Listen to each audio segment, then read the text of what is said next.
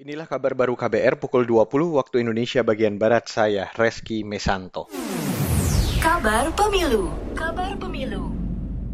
Saudara pakar hukum tata negara dari Universitas Andalas Padang, Ferry Amsari menilai, sistem perpolitikan Indonesia tidak ada perbaikan berarti sejak era reformasi.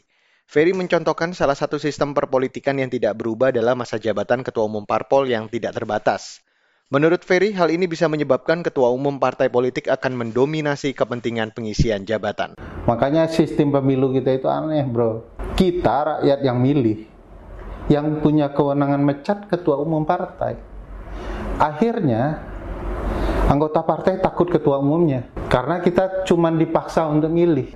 Makanya ada kejadian tuh belum bekerja udah dipecat di pemilu kemarin mau disumpah satu hari, ada anggota partai yang dipecat.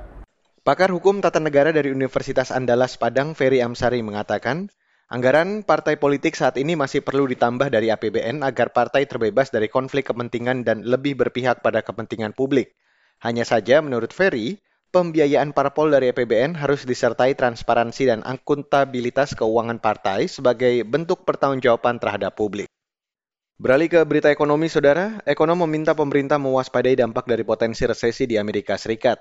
Pengamat ekonomi dari Core Indonesia, Muhammad Faisal, mengatakan, potensi resesi di Amerika Serikat bisa berdampak negatif terhadap Indonesia, terutama pada komoditas impor-ekspor, misalnya produk alas kaki, produk tekstil, serta komoditas perikanan. Kalau seandainya uh, dalam artian resesi itu adalah dari pertumbuhan ekonominya yang mengalami penurunan, ya, dan sudah secara kuartal ke kuartal ya gitu gitu sebetulnya sudah negatif kemarin sekali ya. Nah ini berarti uh, permintaan terhadap berbagai jenis barang dan jasa di Amerika itu mengalami penurunan ya dan itu akan termasuk juga permintaan terhadap barang impor termasuk impor dari Indonesia. Semestinya begitu, ya. Ekonom dari Core Indonesia Muhammad Faisal mendorong pemerintah menjaga pasar produk yang selama ini diekspor ke Amerika Serikat. Caranya dengan diversifikasi pasar ke pasar non-tradisional dan mendorong lebih banyak penyerapan produk di pasar domestik. Baiklah saudara, demikian kabar baru yang dipersembahkan oleh kantor Berita Radio. Saya Reski Mesanto.